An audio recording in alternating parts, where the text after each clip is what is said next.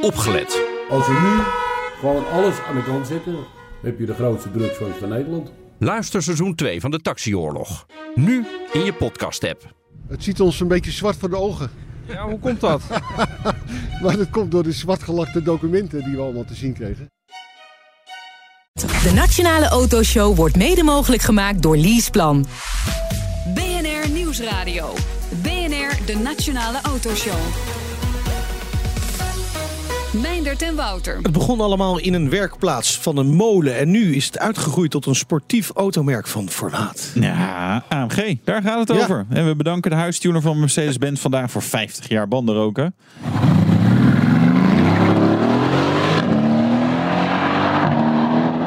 Komt dit uit jouw eigen geluidsbibliotheek, eh Ja, volgens mij wel. AMG GT, hè? Mooi, mooi, mooi. Hey, het is nog maar het begin, Wouter. We hebben nog een eh, half uur te gaan. Eh, we groeten eerst ons even onze luisteraars. Welkom weer. Een uur lang alles over auto's en mobiliteit hier op BNR. Meepraten is ook al een mobiliteitsoplossing, hè? Zo'n AMG. AMG, ja. GT. Ja, is gewoon vervoer van Precies, zo is. Nou, als je daarover mee wilt praten, doe je dat via Twitter. Het BNR Autoshow. Vergeet ons vooral niet te volgen. Straks in deel 2 gaan we meer hebben over de techniek achter dit geluid. Wat is dat? Ja, dit is eh, inklappende spiegels. Ja, Ja, ik vind het al wel fijn dat geluid. Dan weet ik dat mijn auto op slot staat. ja, dit is van- ja Volvo hoor. Ja. Ja. Ja. dat is wel handig inderdaad. Ja. En ik snap niet waarom het bij andere merken zo is dat die spiegels gewoon uitgeklapt blijven. Is toch, ik, het, het dient geen enkel Nee. nut. Nee. Goed, dat kunnen we in het tweede half uur Maar goed, dat is een oer-Hollands bedrijf dat jaarlijks miljoenen systemen voor buitenspiegels van auto's maakt. Dus, maar we beginnen dus. Ja, Oh, ja, en die hebben wij te gast straks. We beginnen met 50 jaar AMG.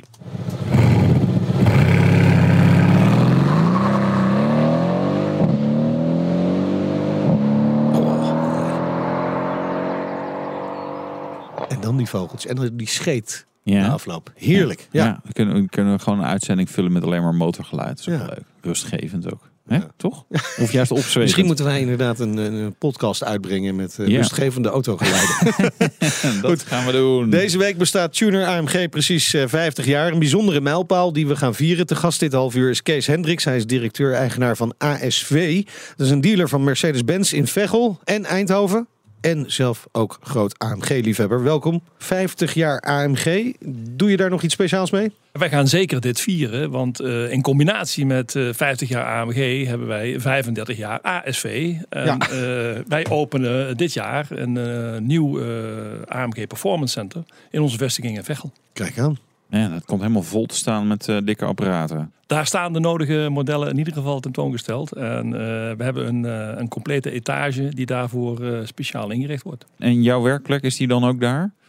Eh, mijn wel- werk- mijn werkplek, zijn, mijn is wel, is wel vaak inderdaad op, op, op die vloer. Kijk, want ik verkoop emotie. En daar ben ik zelf een voorbeeld van. Dat ik me erg goed thuis voel als ik eh, tussen de mensen zit die, eh, die dit soort auto's kopen. Want dat zit in je bloed, AMG. Toen ik met eh, ASV begon, Ja. was AMG, ik noem het altijd in één adem. Maar AMG heeft altijd wel vooraan in, eh, in mijn woordenboek staan. 35 jaar geleden was het nog niet zo populair. Het is nu echt een, ja, geëxplodeerd. De, zowel in aanbodmodellen, maar ook aandacht ervoor. Eh, 35 jaar geleden, wat, wat hadden ze toen voor modellen? Nou, 35 jaar geleden had je, eh, het is in de tijd toen ik begon, en eh, AMG dan eh, is wel wat eerder begonnen.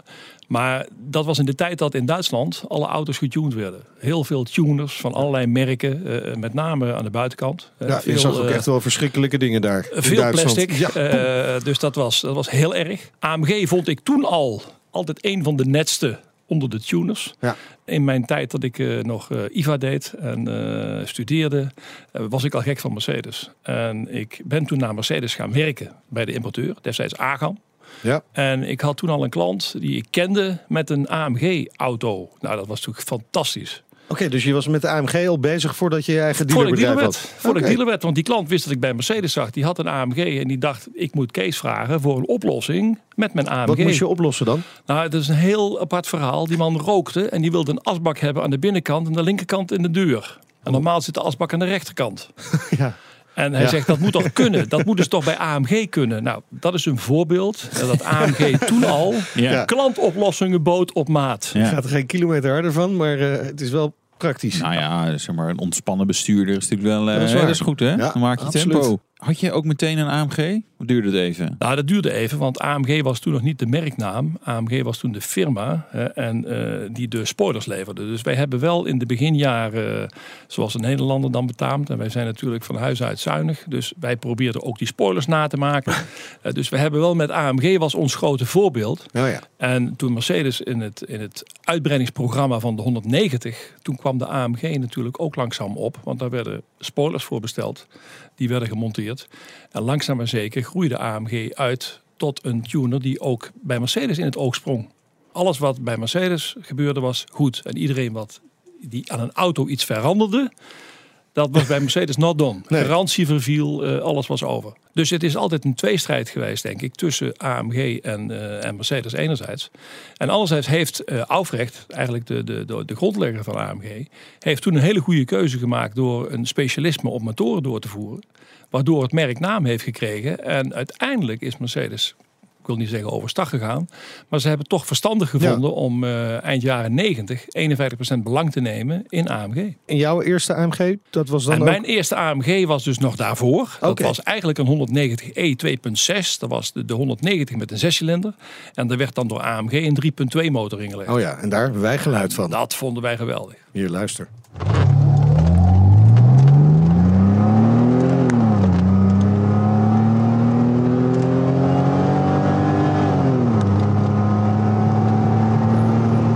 Maar wa- Buiten die motor, wat, wat, wat was er zo geweldig aan? Nou, het, het geweldige is natuurlijk dat die, die motor is iets. Ja, maar je hebt iets aparts.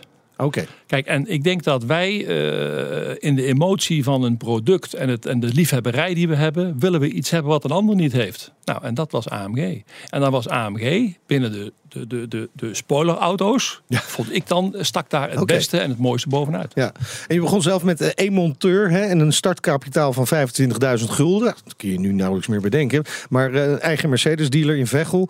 En direct om met AMG te leveren. Ja, wij, hebben, wij zijn meteen met AMG begonnen. Ik had het voordeel, ik ben begonnen destijds met een heel ambitieuze eh, compagnon in de textiel. Ja, en die hield van snelle auto's. Dus wij zijn ook nog even in die tijd eh, Ferrari-dealer geweest. Wij hadden eigenlijk heel veel exclusieve klanten in dat segment. En AMG past als Mercedes natuurlijk als beste daarin. Ja. En ik heb heel veel gedaan in mijn leven met auto's. Maar Mercedes is toch eigenlijk een beetje mijn voorhoofd gebrand. Dus ik, ik kan eigenlijk niet anders. Toch even die, die misschien gemene vraag stellen. Maar eh, waarom ooit gestopt met Ferrari-dealerschap? Ferrari was in de tijd van Kroijmans. Ja. Dat was de, de hobbytijd, noem ik het altijd, van, eh, van onze vriend Frits. En wij waren een klein bedrijf, enthousiast. Dat waren minimale aantallen. En Mercedes begon toen te groeien. De 190 kwam. Wij Ja. moesten uitbreiden. En we moesten voor Ferrari fors gaan eh, investeren.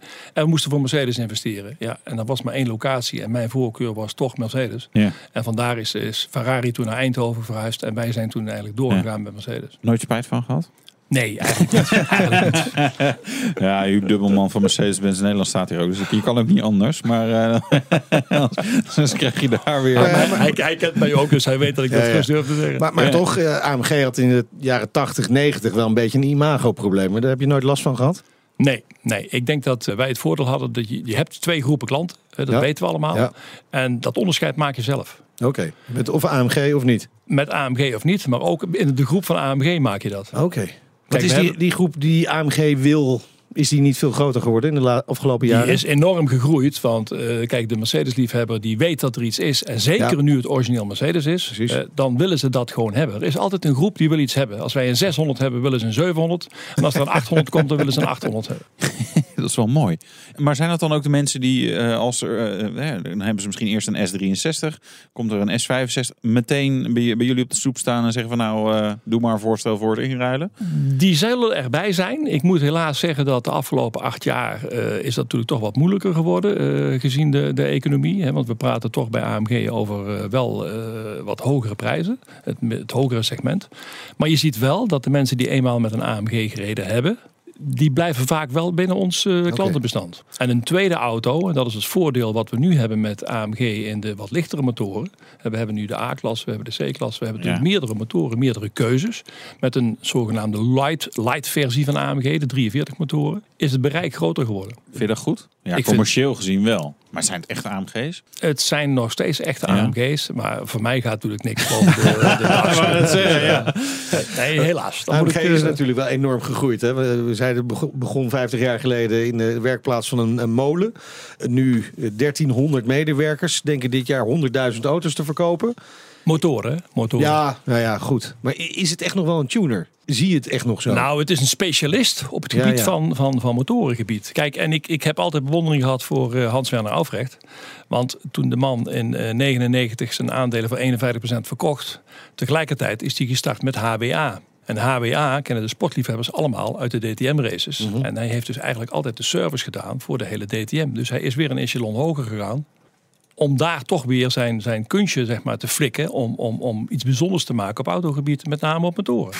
Zometeen, wat is het lekkerste AMG-geluid volgens liefhebber Kees Hendricks? En we doen natuurlijk even de... Petrolhead check. BNR Nieuwsradio. BNR, de Nationale Autoshow. Zo dadelijk meer met onze gast. Eerst is het tijd voor het eh, nieuwsoverzicht van deze week, Wouter. Eh, Trump, laten we daarmee eens beginnen. Die zet een streep door het klimaatakkoord eh, van Parijs. En Elon Musk, ja, die is boos. Zakelijk gezien is het natuurlijk niet voor hem eh, briljant nieuws. Want Nee. eh, ja, hij leeft natuurlijk wel van de notie dat hè, fossiele brandstoffen, dat je die vooral niet moet gebruiken. Ja, hij bouwt elektrische auto's. Dus vanuit dat perspectief denk ik, ja, hij heeft natuurlijk wel een punt. Kom je ook op het interessante discussie natuurlijk van ja, is het terecht dat Trump niet meer mee wil doen aan het klimaatakkoord? Wat vind jij? Vind je lastig, ik vind hè? wel een beetje, een beetje gek, gewoon. Het is meer geopolitieke redenen, weet je. Niet per se vanuit de autobranche. Nee, maar de autobranche is natuurlijk wel heel veel eh, nou ja, last, laten we Ja, dat maar zo ja, noemen, van, eh, van dit soort eh, akkoorden. Het is in ieder geval een interessante tijd. Zeker, Laten we, dan, laten we daar maar, we, we kunnen hier nog wel eens een keer een boompje over opzetten natuurlijk. Of het nog iets Of gaat... omkappen. ja. nee, dat mag dus niet. Laten we dat niet doen. Hey, gaan we naar Seat. Want Ja. die heeft eh, onze dringende hulp nodig. Hoezo onze? Nou, daar kun je wel over discussiëren. Want eh, de, de- de- ze hebben een naam voor een, een, een auto waar wij eigenlijk helemaal niet blij van worden. Namelijk voor een nieuwe 7-zits SUV. Hmm. Maar je kunt dus een, eh, een prijs winnen, denk ik. Ik weet eigenlijk niet welke prijs. Het was leuk geweest als we dat wel wisten. Misschien zijn we Nou, ik denk dat je een 7 sits SUV krijgt. Ja, denk je? Dus, Denk je niet? Ja. Met jouw naam achterop. ja. Ja. De Seat Meindert. Of de Se- Nee. Seat Carson. Ja, Seat Carson. Nee, de Asienta Sette, dacht ik. Dat is eh, Spaans voor... eh, ze, Asienta die in ieder geval twee van die woorden hebben. Ze- wo- Een stoel en zeven. Ik wil gewoon dat daar een nationale autoshow achterop komt. Nee, nee, nee, niet, past achter niet. die auto trouwens. Seat, ja. Ik Ik wil een leuke auto voor bedenken. Oké, laten we iets leuks doen Het is dan. niet echt leuk hoor, om daar een naam voor nee, te laten we voor nu zo'n dan auto. iets Nee. leuks doen. Ja. Crashen op de Nürburgring. ja, dat is ook niet echt leuk. Nee, Nee, dat gaat je ehm, geld kosten zeg. Ja, vaak is dat niet verzekerd. Dat, dat, het, hangt een beetje van je verzekeringspolis af. Want feitelijk is het een, een tolweg, eenrichtingsverkeer. Ja. Je dat ziet niet iedereen zo, maar ja, je zou je ook aan de verkeersregels moeten houden. Nou, in Duitsland hebben we verkeersregels dat je gewoon zo hard mag rijden als je zelf wil en kan. Met een beetje inachtneming van eh, eh, de rest om je heen. Maar eh, als je crasht je raakt een stukje vangrail, ja, dat kost gewoon geld. Je moet gewoon echt per meter, per strekkende meter betalen. Ook voor het verwijderen, 12 euro per meter. Er gaat nog wel discussie over deze prijzen goed zijn overigens. Maar in plaats van nieuwe vangrail, 39 euro per meter. En dan heb je natuurlijk ook nog van die dubbele en driedubbele en vierdubbele vangrails. Dan gaan ja. die bedragen natuurlijk maal 4. Safety car kost geld. Sluiten van het circuit, 1600 euro als dat een uurtje is. Soms bet- betaalt de verzekering overigens wel. Soms is het niet uitgesloten op een polis. En dan rij ik gewoon gewoon zeggen, ja, ik reed op een tolweg. Ja, dus ze reden allemaal heel hard. Het was er nogal bochtig. En opeens eh, stond ik in het gras en in die vangrail. Ja, tot slot. Ben jij eh, een beetje lui als het om tanken gaat? Ja, dat vind ik niet altijd even fijn. Nee. Nee. Nee. nee, daar hebben ze wel wat voor, hè? Tegenwoordig. Shell, die levert brandstof in Rotterdam ook nog. Echt waar? Maar niet in alle wijken, maar aan huis. Maar wat brandstof. komen ze met zo'n tankwagen je, die straat binnenrijden? nee, het dat is, feestelijk. Nee, ja, I don't care. Als, eh, bedoel, waarschijnlijk eh, ben ik iets anders aan het doen. Want anders Ja. had ik wel tijd gehad om eh, zelf te gaan tanken. Het is een klein elektrisch tankwagentje. Er Kunnen tien auto's, eh, tien tankbeurten kunnen ze daar tegelijk bij eh, doen. Dus dat, dat schiet natuurlijk allemaal weer niet op. Je betaalt zeg maar normale benzineprijs. Plus 3,95 euro bezorgkosten. Zou jij het doen? Nee. Ik wel. Ik Ja? vind het wel handig, ja. De Petrolhead Check. Nee, We doen die petrolhead check met Kees Hendricks, directeur-eigenaar van dealerbedrijf ASV. Klaar voor het pittige vragenvuur. Ja, 50 jaar AMG. eh, met welke ben je zelf gekomen naar de studio? Lekker pittig. Lekker pit. Ja, Lekker met pittig. een unieke auto. één in Nederland. Dan beginnen jullie al te denken. Nee, een S65, origineel, eerste eigenaar in Nederland. En ik heb even gekeken voor, dat vond ik ook leuk. Het is namelijk de enige die op dit moment in Nederland rondrijdt. Oh, Kijk. Heerlijk. Wel bijzonder. Ja, dat Ja. is zeker bijzonder. de Volgende V12, vraag. hè? Wat is de hoogste snelheid die je ooit gereden hebt in een AMG? 320. 320. Er komt een vervolgvraag. Wat was je hoogste boete? Eh, die was 600 euro, denk ik. Maar niet voor die 320. nee, die konden ze niet bijhouden. Ehm, stel, dat is een hele vervelende vraag hoor, maar je mag vanaf nu nooit meer een AMG kopen. Ehm, waarvoor kies je dan? Audi RS of een BMW M-model? En welke dan? Ik denk toch dat ik naar een Audi RS ga. Ja? RS4, RS6, 7, ik denk 3? een RS6. Ja, RS6. Ik voorspelde dit al bij de redacteur. Ja, Ah, oké. ja? Nou, Nou, kijk, we- ik kan, er, ik kan er wel aan toegeven. Kijk, de, de Audi heeft natuurlijk altijd met zijn Quattro Ja. een, een, een super auto gehad. Ja. Dus daar zit ook mijn achterliggende gedachte van... waarom hebben wij met AMG nooit die vierwieldrive gehad? Ja, is nu eh, eh, rechtgezet hè? Dat is Met de rechtgezet. E63S. Die Ja. vierwielaandrijving is echt super. Helemaal top. Nou, het eindoordeel. Ja, laten we maar doen hè. Ja, ja, komt ie.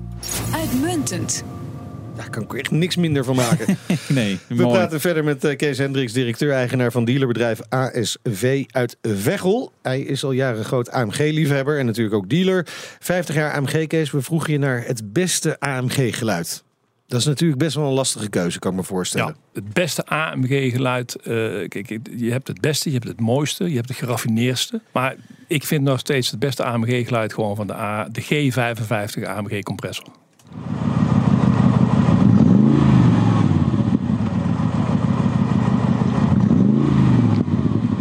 Wat, wat, wat vind je er zo mooi aan? Dit is een beetje ja, stationair, maar... Nee, het, het, het geluid komt echt diep.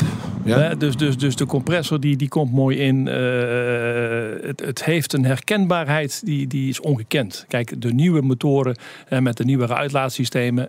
Uiteraard is dat, is dat fantastisch, zeker bij terugschakelen.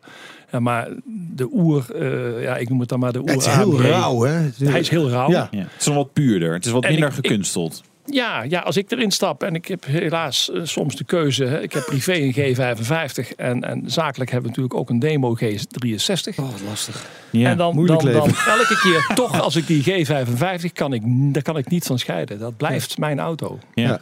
Maar je hebt twee, eh, twee motoren gekozen. Ook een wat modernere. Nou, Welke is dat? Dat is de GT. Ja, natuurlijk.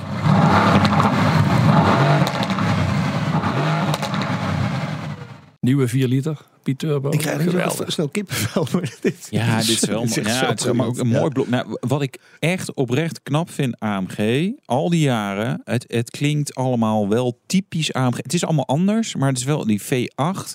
Je weet meteen van, oh, dat is AMG. Dus eh, weet je, er, er zit iets in, dat hebben ze heel knap eh, gedaan. Dus zelfs, we zijn natuurlijk van, van compressor naar atmosferisch blok Ja. gegaan. En een turbomotor en nu een, een kleinere turbomotor. En, en, en het blijft eh, spot-on eh, wat mij betreft. Nou. Zo, betoog. Hè? Ja. Zal ik amen erachteraan zeggen? Dat zou wel heel eh, toepasselijk zijn. Hè?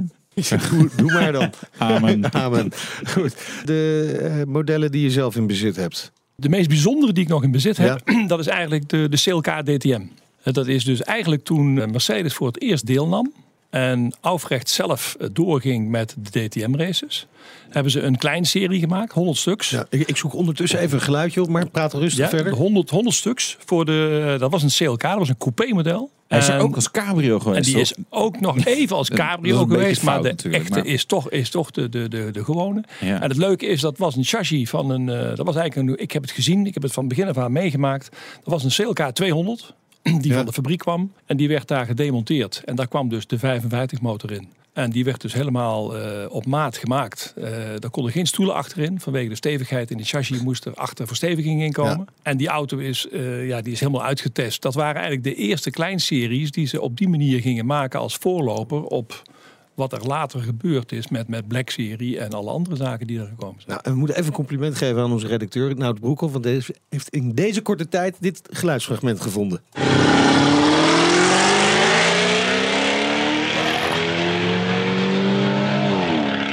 Wauw. Ja, dat is lekker hè. Ja, geweldig. Die- geweldig. die, eh, V8, eh, 582 pk. Als er nu iemand eh, binnenloopt eh, Ja. en de vestiging zegt, nou, doe mij die maar. Hij staat natuurlijk niet in de showroom, dat weet ik ook wel. Maar uh, tenminste, dat neem ik even aan. Maar de, de- de- zou die ooit, zou je hem ooit verkopen? Nee, ik heb, ik, heb, ik heb ook mijn kinderen beloofd dat ik hem niet zou verkopen. Maar die kunnen toch niet achterin zitten. Dus, dus, wat dus, dus ik denk dat dat nee, nee zolang als wij een AMG-center eh, zijn en Ja. daar hoort deze auto hoort daarbij. Kijk, hij is uniek in Nederland. Hij heeft, eh, ik denk, een auto gespot. Overal heeft de auto is, is niet eh, onopvallend voorbij gegaan. Ja. Dus de- die hoort bij ASV. Hij is dus niet te koop, om, van onschatbare waarde. Maar wat voor prijskaartje zou eraan eh, geplakt kunnen nou, worden? op mijn zoon die houdt regelmatig internet Oké. bij. En eh, die gaf me laatst door, pap, je moet hem echt niet wegdoen. Want hij loopt al naar de 480.000 euro. Ah, oké. Ja, dus ja. echt serieus geld. Maar ja, het, het, het is ook wel een hele... Het zijn er echt maar een paar hè, die Ja. ze hebben gemaakt. 100 stuks. En daarnaast is het nog steeds een auto waar je ook leuk mee kunt rijden. We hebben hem in verschillende uitmonsteringen gehad. We hebben kijk, de, de safety car bij de Formule 1. Dat was dus de eerste uitmonstering waar die eh, in gebruikt werd. En zo hebben wij hem ook wel eens gehad, hè, met een zwaaibalk erop. Ja. Dus met eh, feesten en partijen, dan, ja, dan is dit natuurlijk toch wel een graag geziene auto. 100 stuks van gemaakt. Dat is ongeveer, denk ik, ook de markt voor AMG hier in Nederland per jaar. Nou, ik, ik, ik moet zeggen dat je dat. Ik weet niet of je het ergens weggehaald hebt. Maar de, de markt in Nederland die, die schommelt inderdaad tussen de 80 en de 150. Oké. Eh, nieuwe auto's die dus zeg maar door de Nederlandse importeur geleverd Ja. worden. Daarnaast wordt natuurlijk heel veel ook gebruikt geïmporteerd vanuit, eh, vanuit Duitsland. Ja. Maar ik denk door de toename die wij nu hebben met eh, het productengamma, Ja. verwacht ik wel dat we dit kunnen verdubbelen. Ja. Dit aantal. Dus Ja, dat dus we, dat gaat we dus richting echt, de we gaan, 200. we gaan 200, eh, de 200 voorbij. Ja, daar Ja. ben ik van overtuigd. De aanbod wordt ook veel breder nu met de drie, hè, C43, geel C43. Ook een stuk betaalbaarder en nog Ja. steeds leuk. Wat is het meest verkochte type? De C-klasse in Ja. al zijn modellen is denk ik op dit moment de, de Ja? bestseller. Eh, Want die hebben natuurlijk toch in een estate, in een sedan, in een coupé, in een cabrio. Dus dat is, eh, Ja. Dat, is wel, eh, dat is wel de meest verkocht. En niet de A45. Want die is, die is lekker betaal, nou, die betaalbaar. is zeg maar, betaalbaar. maar. Eh, ik, zou, ik zou erna moeten kijken naar de statistieken. Maar ik denk dat de A wel op de tweede plaats komt. Wat vind je van de A45? Want dat is een viercilinder. Ik vind Vier een auto, ik mag daar niet in gaan rijden. Ik mag daar niet in gaan rijden, want eh, voor mij is het een schelter. En dan ben ik binnen, binnen no time ben ik mijn rijbewijs kwijt. Ja, Dus ik ga ja, het dat is wel een snelle skelter. Ja, dat Ja. is, dat is, dat is, eh, nee, dat is een heerlijke auto. Ja. Eh, en ook de GLC 43. eh, Ja. dat, is ook, dat, zijn, dat zijn twee, eh, 45 zijn twee fantastische auto's. Ja. En dat zijn eigenlijk auto's, zonder dat ik dat verkeerd bedoel, die je erbij moet hebben. Erbij. Een speeltje. Een speeltje voor Ja. erbij. Ja. Ja, maar daar bouwen ze dan weer geen eh, Black Series of zo van. Hè? Want dat zou natuurlijk wel heel mooi kunnen. Zeg maar, het is relatief compact. En dan eh, nou, fok je het allemaal nog even op. Dat zou nog beter zijn voor de Ja, auto maar ik denk, ik denk dat de, de, de Black Series die zijn vaak gemaakt aan het einde van de serie van een productengamma. Om nog één keer te spetteren met een auto. Wauw. En de A staat in zijn begin. Ja. Nou, 2013 toch? Dus, eh, Vanaf. Ja, ja, ja. Dus, nou, oké. Dus we moeten nog even wachten, Ja. Meijner. In, in tegenstelling tot eh, Donald Trump doet AMG nog wel mee aan het klimaatakkoord van Parijs. Want hybrides, er komt ook een vraag van Jury van Dam eh, binnen. Wat vindt Kees van hybride techniek in combinatie met AMG? Ja, ik vind het een geweldige oplossing. Ja? Eh, eh, we hebben binnen Mercedes nu, Mercedes AMG, een hypercar waar een ontwikkeling in is. Ja. En als ik je dan vertel dat daar eigenlijk Formule 1 techniek in zit, maar gecombineerd met hybride aandrijving op vier wielen, dan denk ik van ja, dat is natuurlijk helemaal top. Ja, maar Kijk, we hadden het net eh, over dat mooie, rauwe, pure geluid van AMG. Gaat dat niet een beetje verloren dan? Dat zal anders worden. Ja. Hè, maar wij kunnen vandaag de dag met Formule 1 klonk uitlaattechnieken- vroeger ook veel leuker dan nu. Ja, ja, maar ik denk daar raken we toch aan gewend. Oké. Ja. En die, die hypercar, hè, dat is de Project eh, One, ter ere van het jubileum. Eigenlijk alleen maar klanten mogen al een beetje eh, meespieken. Eh, heb jij al dingen ervan meegekregen? Ja, ik heb in eh, de preview in, in Genève heb ik meegemaakt. Ja. Dus ik ben gaan kijken. En eh, mag dat, er- zoiets is natuurlijk toch bijzonder. hè. Maar hoe ziet hij eruit? hij, hij heeft de look van een hele platte auto. Dus eh, het blijft een... een, een eh, Past ook wel bij een AMG, niet- hè? het- Lekker plat. Het, het past niet bij een Mercedes. ik, vind, nee, ik, vind hem, ik vind hem eigenlijk... Ik moest er echt aan wennen. Ik vind het, een, eh, ik vind het geen echt Mercedes-like model. Nee. Dus Oké. ik, eh, ik ben heel benieuwd. En Ja. het, het zal natuurlijk niet de definitieve versie zijn die ik gezien heb. Maar het wordt wel, wellicht spectaculair natuurlijk. Ja. Ja. Ja, want we, ze, ze roepen iets, hè, zo'n zo'n 1.6 eh, V6 of 1.7 V6, eh, 1000 pk minimaal, hybride, weet je nog meer? Vertel ons nou, joh, je hebt alles ik heb, gehoord. ik, heb, ja, ik weet ja. nog één ding. Ja, ik weet nog één ding. Er is een, er is een voorzichtige prijs genoemd, Ja. zonder belastingen, van 2.275.000 euro. Ja. Ja, en, komt er dan eentje naar Nederland? Is er één iemand hier ik, ik die ga de ervan uit dat portemonnee wil Nederland, trekken? Nederland toch wel een aantal Ja? eh, potentiële Een aantal. klanten heeft die, eh, die dit kunnen veroorloven. En de hoop is nu ook voor ons natuurlijk. eh, want voor ons is ook een stukje reclame als, eh, als klanten in Nederland eh, dit soort auto's mogen kopen. Ja. Ja, en journalisten daar een rondje in kunnen rijden. Haha. Ja, we dat even. Maar dat eh, kunnen we is- dit is- wel wel afspreken hoor. Is de er wens de er vader van de gedachte in deze? Of, of eh, denk je echt dat dat eh, serieus goede kans maakt? Ik denk dat het serieus goede kans maakt dat wij zo'n auto krijgen. Ja, daar ben ik van overtuigd. Ja, en ik hoop ook dat dat in, in, in mijn klantenkring natuurlijk is.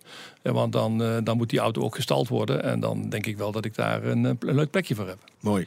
275 wordt er van gemaakt, hè? Ja, dus je moet ook nog op, op die lijst eh, komen. Hè? Ja. Je moet wel eh, iemand hebben die, die al eh, zeg maar in een goed straatje bij AMG zit. Anders dan, dan mag je hem misschien niet eens kopen. Nee, precies. Hey, zometeen, de komende half uur, gaan we het hebben over... Het in- en uitklappen van je spiegels. Ook Het- heel belangrijk. Het contrast is nooit groter geweest nee. tussen de twee half uur. Nee, nee, maar het is een bedrijf uit Woerden dat maakt jaarlijks miljoenen systemen voor die buitenspiegels. En Wouter, jij rijdt natuurlijk, hoe kan het ook anders, in een AMG. Precies. Dank voor de komst naar de studio. Kees Hendricks, directeur-eigenaar van dealerbedrijf ASV en groot AMG-liefhebber. En daarmee gaan we dus ook dit half uur even afronden.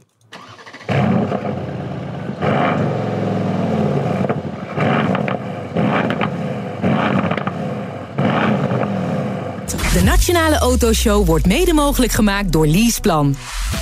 BNR Nieuwsradio. BNR, de Nationale Autoshow.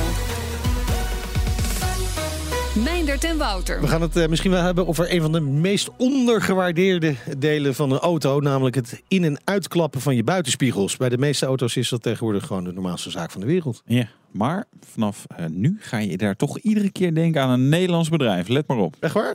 Ja, denk ik wel. Oké, nou straks rijden we in Mercedes eh, eh, AMG GTC Roadster met een dikke 4 liter V8 motor.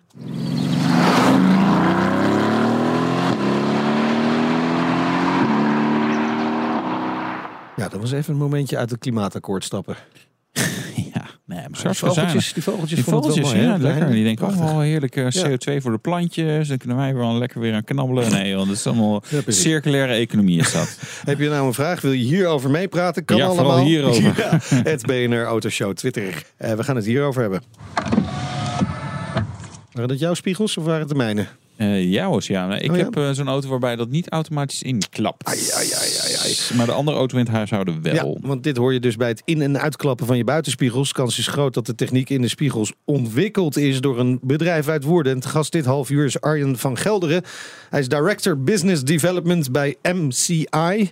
Dat staat voor Mirror Controls International. Welkom, leuk dat je er bent. Ja, het is een Engelse eh, naam, maar een oer-Hollands bedrijf uiteindelijk. En produceert jaarlijks miljoenen systemen voor buitenspiegels. Wij kennen het eigenlijk niet. Nee, en veel luisteraars denk ik ook niet. Nee, dat eh, klopt. Eh, Dat komt natuurlijk door het feit dat wij gewoon binnen in die spiegel zitten. En Wij maken niet de spiegel zelf, maar het verstelmechaniek om zowel het glas te verstellen. Hè, daar zijn we ooit mee begonnen. Eerste patent uit, Oké. uit 1964. Echt al. waar? Ja, en intussen maken we dus ook dat vouwmechaniekje waar jullie het net over hadden. En er is ook grote kans dat heel veel van jullie luisteraars die nu misschien nu luisteren, dat ze gewoon naar twee stukjes designed in Holland techniek Ja. zitten te kijken Kijk. zonder dat ze het weten. Ja, dat geeft toch een beetje gevoel van trots. Maar Ja, hoe, vind ik wel. Hoe, hoe is dat begonnen? Hoe ben je daar zo Het met is het een heel, bedrijf dan heel- zo in verzeild geraakt? Ja, het is een heel eh, bijzonder en heel leuk verhaal. Dus het bedrijf is ooit begonnen eh, voor de oorlog eh, en maakte toen aan de Oude Gracht in Utrecht, hè, waar nu alle restaurantjes en Ja. eh, eh, shops zitten. Eh, en daar maakten ze gewoon eh, koplampen en fietsdynamo's voor, voor fietsen. En het bedrijf is toen vervolgens natuurlijk eh, uit meerdere locaties meer naar buiten het gebied gegaan. Ja, je komt er met een auto ook niet meer in eigenlijk Nee. bijna daar. Hè? Dus eh, ja, moet wel. En eh, vervolgens had je natuurlijk in de jaren 50, 60 eh, was er nog geen plicht dat de spiegel op de deur moest zitten. Nee. Dus had je vaak op een mooie sportauto die natuurlijk meneer Koot, die toen de eigenaar van het bedrijf was en het opgericht had. had zo'n auto met zo'n spiegeltje daarvoor op het spatbord. Dus dan Ja. moest je, net als sommige mensen ook met een caravanspiegel hebben, dan moet je 20 keer uitstappen voordat dat spiegeltje ongeveer goed staat. En ze hadden natuurlijk vanwege die activiteiten, ze hadden een eigen gereedschapmakerij en iedereen kon wel wat dat. Dus hadden ze zelf een soort afstandsbediening gemaakt met een grote knop die door een groot gat in het dashboard was. Ja, en de Willy Wortel van het bedrijf, Ja. die zei toen van, nou, dat kun je met elektromotortjes doen. Dan hoef je daar maar drie elektrische kabeltjes door je dashboard te doen. Dan hoef je niet zo'n groot gat te maken. Dus toen hebben ze dat gemaakt. En toen hebben ze gezegd van, ja, dat kunnen we eigenlijk misschien ook wel verkopen. Hè? Want we waren natuurlijk ondernemers. Ja, En eh, toen zijn ze naar, eh, uiteindelijk met een nieuw prototype hebben ze dat in een BMW-spiegel gemaakt. En hebben ze dat BMW voorgesteld. En in, eh, in 1972 hadden we toen onze eerste seriële toepassing, zoals wij dat noemen. Hè, dus Maar het is gewoon serieus zo dat elektrisch verstelbare buitenspiegel, die nu volgens mij ook gewoon op een Fiat Panda al Ja. eh, standaard is, is gewoon in Nederland, in Utrecht uitgevonden. Ja, ja, de glasexcavator die hebben wij als bedrijf hè, dus, eh, al, al uitgevonden. Nou, vanavond tijdens de borrel kunnen jullie allemaal nou, ik heb nu iets gehoord op BNR. Weet je, elektrisch verstelbare buitenspiegel. Waar is die uitgevonden? Nou, in Utrecht dus. Ja. ja, klopt. Bizar. Ja, dat is Hey, eh, jij een staat- vraag ja, voor Trivial Pursuit. Ja, precies. Ja. Nou, dat- Ongelooflijk. En dat allemaal uit frustratie van Ja. de eigenaar Ja. die de spiegel niet kon bereiken. Absoluut. Mooi man. Ja, maar, nee, maar, nee, maar is er ook zo maar de rechter buitenspiegel? Mercedes had, had dat op een gegeven moment dat je de linker buitenspiegel aan de bestuurderskant kon je dan nog wel met de hand doen, want Ja. dat was preciezer. Maar rechts, ja, kan je natuurlijk niet bij. Dus die was dan wel elektrisch. Dat is ook grappig, hè? Ja, Grappige dat- feitjes. Dat klopt wat je zegt, want dat, die discussie hebben we ook heel veel gehad met destijds met Mercedes. Is dat Mercedes had toen de filosofie, alles waar je met de hand bij komt, moest je met de hand doen. Oh ja. En niet Ja. elektrisch. Dat was hun filosofie. Hey, Daar zijn ze dus wel van afgestapt. ja, ja, inmiddels wel, ja, alles eh, kan elektrisch. maar- BMW zag het eerder eh, wel het nut ervan in dus. Zeker. Want, want de eerste was de 5-serie, Ja. neem ik aan. Vijf serie. Ja. Dus daar staat ook op onze website wel een klein beetje historie over. Ja, BMW is voor ons dus, eh, door de jaren heen een hele goede klant geweest. Omdat ja, het is natuurlijk ook een premium. Dus hun eisen zijn heel hoog. Eh, en, en, en die spiegel, hè, dus de functie van.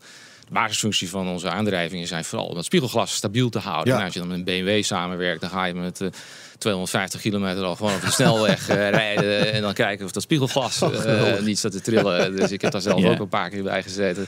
Ja, soms zit je dan toch wel eventjes van, gaat dit wel goed? Ja. Niet nog snel even een klein beetje extra bizonkit erachter. Ja. Ja, maar, nee, maar dat dat is natuurlijk wel zo. Die eisen zeg maar, die de Duitse auto-industrie Ja, stelt. ja, weet je, wel, je moet ook gewoon vanaf 250 hard kunnen remmen en, en een paar keer achter elkaar. Dat is eigenlijk bezopen, want voor de rest van de wereld is dat gewoon niet relevant. Ehm, maar die sp- spiegels, ja, zo'n elektrische verstelling, dat, dat, ja, stelt dat nou zoveel voor? Is een vraag die best zou Ja. kunnen op, opkomen. Hoe complex is dat? Het is een het- beetje een elektromotortje en je stelt hem hebt bij. hier wat eh Ik heb wat liggen. voorbeeldjes. Ik heb hier een, eh, een compleet spiegel waar je kan zien waar het helemaal in zit. En hier wat eh, speciale aandrijvingjes met eh, doorzichtig kunststof, zodat je een beetje kan zien wat er ongeveer allemaal in zit. Maar het is Maar achter, achter het glas zit eigenlijk gewoon een, een, een rondje. Ja, een, een soort bolsegment Ja. met, eh, met wrijving.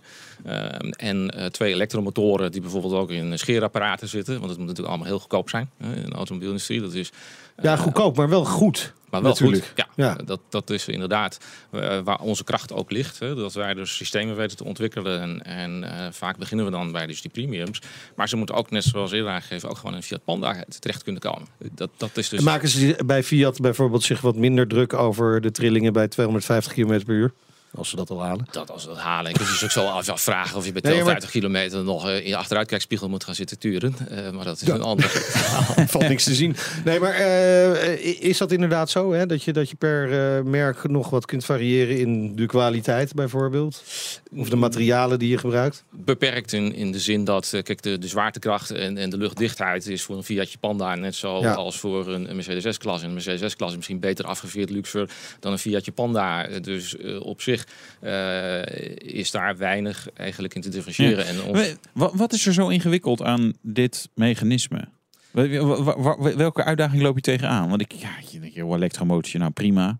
Nou, de uitdaging is met name dus om dat spiegel, dat is de basisfunctie, om het spiegelglas stabiel te krijgen. Ja. En Ja. ons systeem, Mag niet trillen. Het mag niet trillen. En ons, ons systeem is destijds, daar zijn ook onze patenten destijds op gebaseerd. Die zijn inmiddels al weer afgelopen. Dat eh, het systeem dempt uit. Hè, dus als je met een versnellingsmetertje gaat meten op een spiegelglas, dat we vaak moeten doen, want dan trilt zo'n spiegel en dan zeggen we, ja, het komt door jullie ding. Dus dan zetten wij gewoon een versnellingsmetertje op de spiegel en op de deur van de auto en op de, op de behuizing van de spiegel. En dan zie je dus dat het spiegelglas minder beweegt dan, dan een spiegelbehuizing. Kortom, het spiegelglas dempt uit. Ja, Dus en de maken- spiegel is dus Ja. eigenlijk niet goed. Ja. Dan. Dus ja, en dat, dat, die hele constructie is een hele ingewikkelde. De deur moet stijf zijn. eh, Maar is, eh, dan dan geven jullie dus ook advies over de kwaliteit van het glas eigenlijk, die gebruikt moet worden hiervoor. onder andere en ook zeggen van ja, het probleem zit wel echt wel in de, in de spiegelconstructie. Die is gewoon te flexibel. Ja. Te, te- Ja. Daar moeten jullie wat aan doen. Dus wij zitten altijd soms vaak met een beetje een soort omgekeerde bewijslast. Uh, er is een probleem en dan is het van, uh, moeten jullie op gaan lossen. Ja, ja. Nou, Nout heeft ondertussen inmiddels een foto online gezet, zodat mensen ook even online kunnen kijken hoe dat systeem er dan uitziet. Prima. wat dus blijkbaar behoorlijk complex is. autofabrikanten leggen de lat ook vaak hoog. Hè? Hoge eisen worden ook door de overheid gesteld bijvoorbeeld. Ja. En toch moet het goedkoop zijn. Is dat niet ontzettend lastig conflict?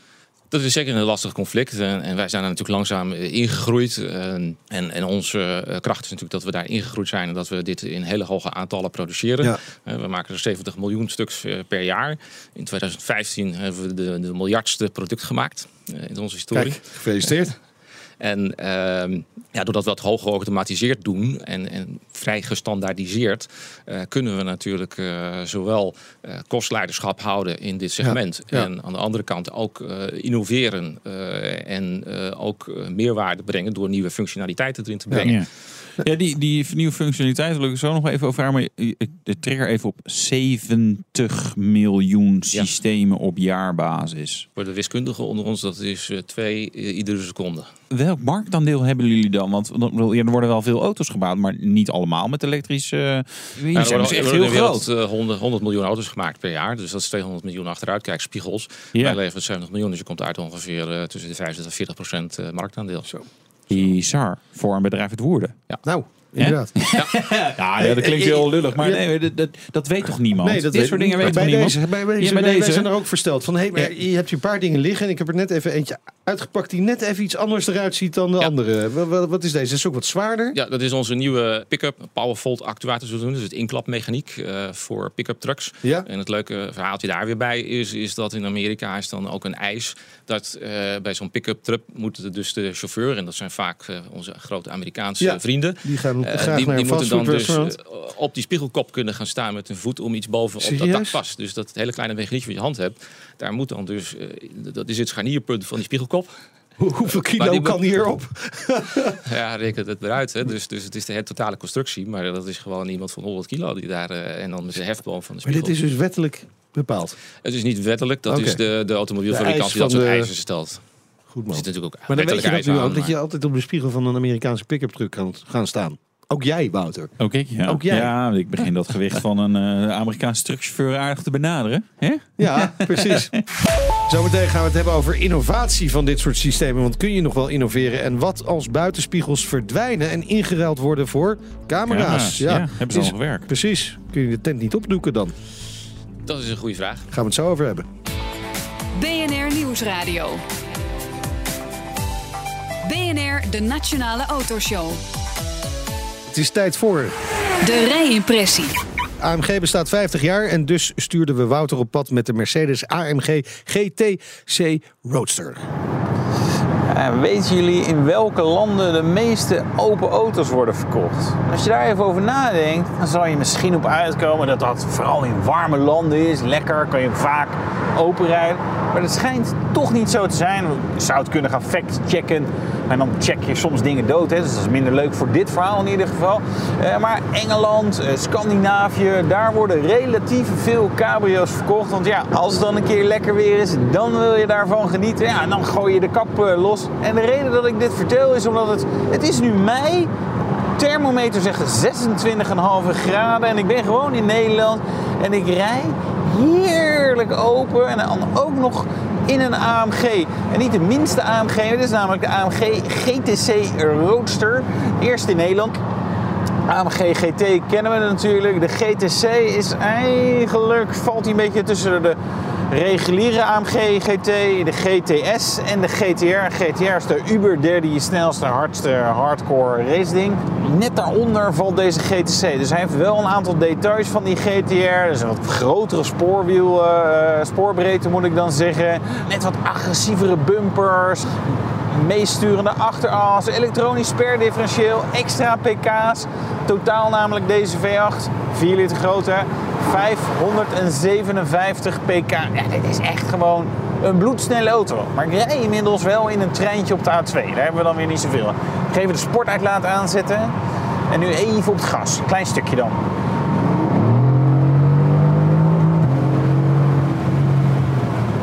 Ik weet niet of jullie er veel van meekrijgen, maar voor mij is het in ieder geval heel erg leuk.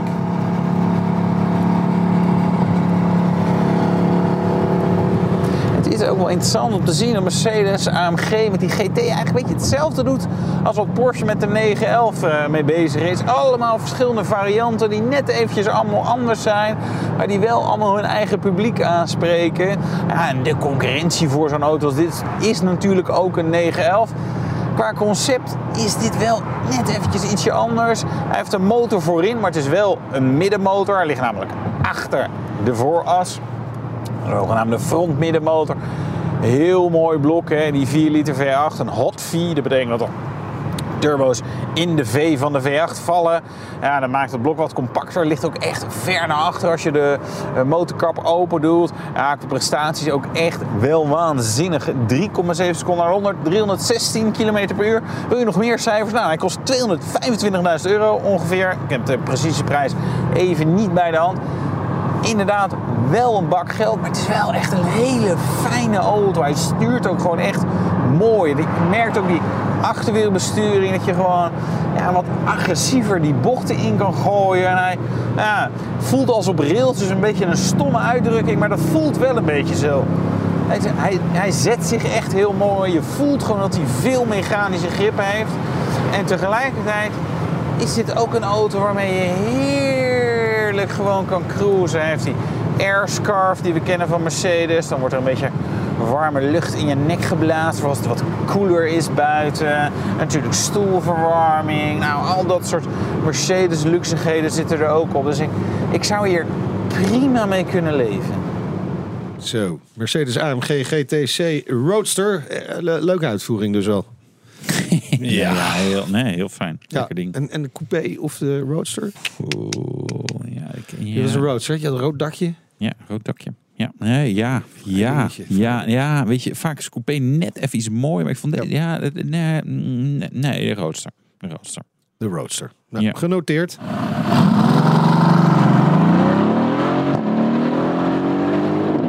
Hoor je het motorgeluid ook beter? Ja, Ja? ja, dak eraf. Ja, dat, eh, dan kan het lekker eh, kaatsen. hey, dan hadden we hier een eh, conclusie voor, hè? Ja. Ja, maar we kwamen daarmee niet eh, eruit volgens Nee, mij. Want wat was je conclusie ook Nou, weer? dat wij hier wel een nier voor zouden doneren. Maar het schijnt dat een nier maar iets van 105.000 euro of 100.000 euro oplevert. Oh ja, op en de deze kost? markt. Ja, 225.000 Ja, dus we euro. hadden we allebei eentje moeten... Ja, en Nauton eigenlijk ook. Ja. Als we nog wat opties gingen aanvinken. En dan Ja, zou dan het een, het, dan wordt wordt het een deelauto. Ja, daar hebben we niks mee. Ja. Nou, wel, zou je deze auto willen delen? Dat Ja, je de een derde best- van het jaar... Ja. Ja. Ja, Zelfs als je hem dan naar, even- naar Nout in Almere moet brengen, dan Ja. nog zou je hem... eh, ja. Ja, en als Ja. jij hem dan even inrijdt, pak Ja. ik hem daarna. is goed. Doen we.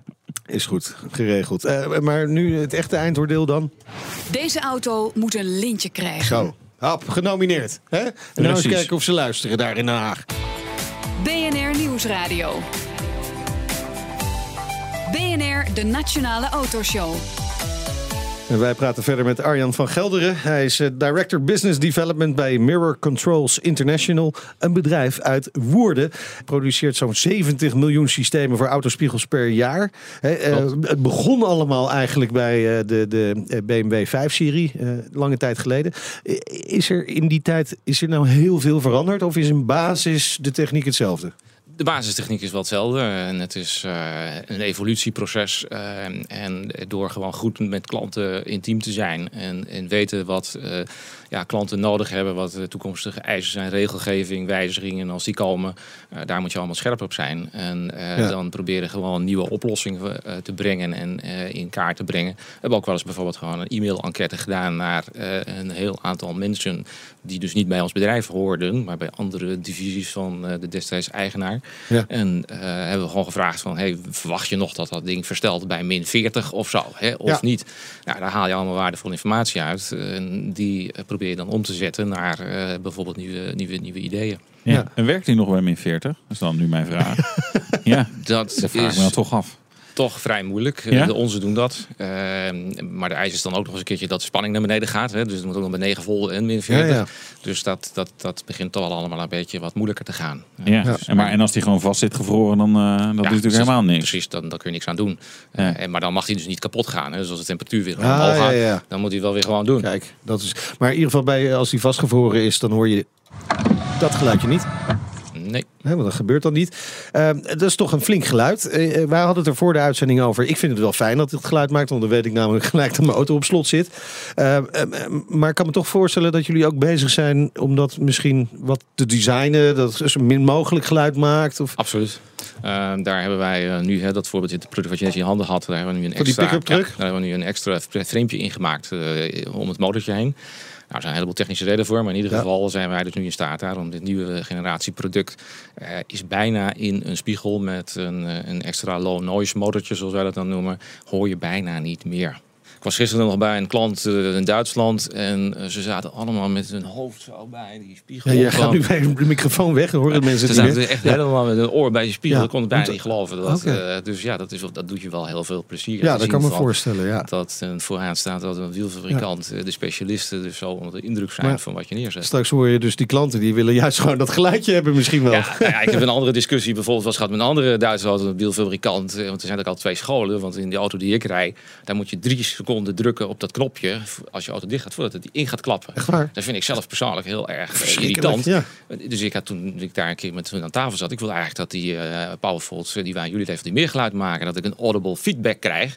Dat die gaat. Want in Ja. drie seconden ben ik al 20 meter verder Ja, van die auto verwijderd. En dan weet ik niet, ja, Ja. gaat er zijn het nog ingeval of niet. Ja, je ziet, er zijn gewoon verschillende scholen. En, Maar wat is de theorie om de spiegels niet in te klappen? Nu kunnen we de vraag stellen aan een expert. Waarom zou je dat willen? Het niet inklappen als je je auto op, op slot doet. Vroeger had je het niet. Nee. En eh automobielfabrikanten houden natuurlijk altijd om te kunnen segmenteren. Want op al die opties eh, kunnen zij gewoon extra geld vragen en geld verdienen. Plus het feit, nou ja, in de Powerfold is het ook wel zo. Het is wel een meerkost ten opzichte van een gewoon eh, mechanisch systeem wat met de hand moet kunnen. Hè? Want de regelgeving, als een fietser tegen die spiegelkop aanloopt, dan moet hij weg kunnen Ja. klappen. Het leuke van het verhaal ooit wel is dat die vouwmechaniekjes, wij zijn niet de eerste geweest, we zijn de eerste geweest in Europa. Ah, zijn in Japan begonnen. Omdat je in Japan belastingwetgeving hebt. Dat, het, ze dat er zijn ook weinig- heel goed in vouwen van dingetjes. Dus dat eh, begrijp ik wel. ja. Maar dan moest je dus belasting betalen op het geprojecteerde oppervlak Ja. eh, van je auto. eh, met uitgeklapte vliesspiegels. Maar als je dan elektrisch in kon klappen, dan betaal je een stuk minder meer belasting. Ah, oké. Dat was geprojecteerd oppervlak. Dus zo zijn die Japanners. Ja, hey, maar er komt natuurlijk een tijd aan dat er zijn al auto's. Denk aan de, de XL1 van Volkswagen is natuurlijk niet een auto die op de markt is, maar die Nee. met camera's doen. Ja, klopt. Weg is jullie business. Dat, eh, dat dacht eh, de oude meneer Koot vroeger ook. Ja? eh, toen de wetgeving veranderde van dat de spiegel op de deur moest komen. Want Ja. dan kon je dus alle oude Mercedes filosofie kon je gewoon met je hand erbij. En dus die dacht al van business gaat weg. Nou, wij proberen dat natuurlijk eh, ook in mee te gaan. Eh we zijn ook al bezig met eh, nieuwe toepassingen. We zijn ook met eh, actieve aerodynamica. We maken al van Mercedes ook een andere actuator voor eh grill shutters noemen we dat. Hè. Dus dat de grill voor dicht kan, zodat de Ja. auto aerodynamischer wordt. Voor als die Dus elektrisch met- rijdt bijvoorbeeld. die- ja, en Ja. Dus dat zijn systemen waar we mee bezig zijn. En ook voor die camerasystemen eh, die komen. Want de camera's om echt achteruitkijkspiegels te vervangen, heb je hele sterke, goede camerasystemen en hele dure systemen nodig. En die moeten ook weer op dezelfde plek komen te zitten als nu het spiegelglas eigenlijk zit. Omdat die field of view, zoals dat noemen, dus dat zichtveld eh, te hebben wat weer eh, door wetgeving is. Dus dat, Oké. dat cameraatje moet daar buiten op dezelfde plek als de spiegel geklapt. Dus die moet ook weer ingeklapt worden. Dus daar Ja. hebben wij ook al. Ik heb je een Ja. voorbeeldje liggen, die heb ik jullie laten zien. Ja. Dus dan maken we een kleine mechaniekje. Dus die dus zo maken mooi- je niet echt zorgen over eh, de toekomst. Wij maken Nog niet. zeker niet. nog niet. ja, je En- weet en- nooit dat er... En, eh, dan- en anders eh, innoveren ze wel weer eh, naar iets anders. ja, dat Toch? is Absoluut. Volgens mij wel. weer Mooi. Ja. Mooi verhaal. Dankjewel voor je komst naar de Graag studio. gedaan. Arjen van Gelderen, Director Business Development bij Mirror Controls International uit Woerden. Wouter, volgende week. Ja, ja, een bedrijf waar innovatie toch een hele andere klank bij heeft. Bij, Nou. bij sommige mensen in ieder geval. Namelijk Morgan Motor Company. En in de top van het bedrijf zit... Da, da, da, da, een, Nederlander. Nou, Natuurlijk, dat goed. is leuk hè. Vergeet ons niet te volgen via Twitter. Check Facebook, Instagram. Download de uitzending via de podcast, Spotify of in de BNR-app. Tips of vragen? Mail ons. Naar autoshow.bnr.nl Vroom. De Nationale Autoshow wordt mede mogelijk gemaakt door Leaseplan. Ook Liesbeth Staats vind je in de BNR-app. Ja, heel handig. Luister live naar Kees en mij tijdens de Daily Move. Dan blijf je ook gelijk op de hoogte van breaking news en het laatste zakelijke nieuws. En daar vind je ook alle BNR-podcasts, waaronder de Perestrooikast. Download nu de gratis BNR-app en blijf scherp.